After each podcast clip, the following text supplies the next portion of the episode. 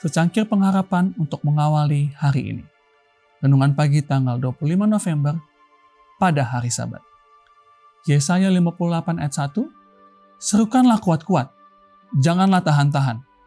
Nyaringkanlah suaramu bagaikan sangkakala, beritahukanlah kepada umatku pelanggaran mereka dan kepada kaum keturunan Yakub dosa mereka. Berkat-berkat besar ada dalam pemeliharaan hari Sabat, dan Tuhan menginginkan bahwa hari Sabat bagi kita adalah hari yang penuh sukacita. Ada sukacita pada lembaga Sabat. Ketika dasar bumi diletakkan, dasar hari Sabat juga diletakkan. Ketika bintang fajar bernyanyi bersama dan semua anak Tuhan bersorak kegirangan, Tuhan melihat bahwa hari Sabat sangat penting bagi manusia, bahkan di Firdaus. Dalam memberikan hari Sabat, Allah memperhatikan kesehatan rohani dan jasmani manusia. Sabat itu bukanlah dimaksudkan untuk menjadi satu waktu untuk pekerjaan yang tidak berguna. Taurat melarang pekerjaan badani pada hari perhentian Tuhan. Pekerjaan mencari nafkah haruslah berhenti. Tidak ada pekerjaan bagi kesenangan atau keuntungan dunia ini yang diizinkan pada hari itu.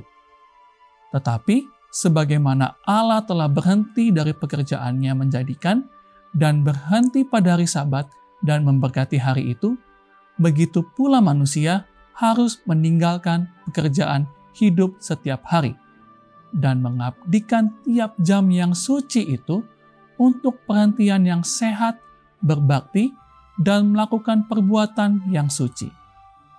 Dan lagi Tuhan berkata, apabila engkau tidak menginjak-injak hukum sabat dan tidak melakukan urusanmu pada hari kudusku, apabila engkau menyebutkan hari sabat hari kenikmatan dan hari kudus Tuhan hari yang mulia, apabila engkau menghormatinya, maka engkau akan bersenang-senang karena Tuhan.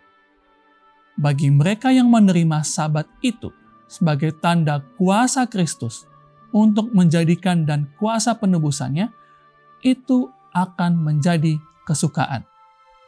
Melihat Kristus di dalamnya, mereka sendiri akan bersuka di dalam Dia. Doa kita hari ini, ya Tuhan, terima kasih atas kasih setiamu yang tiada berkesudahan bagi kami. Amin.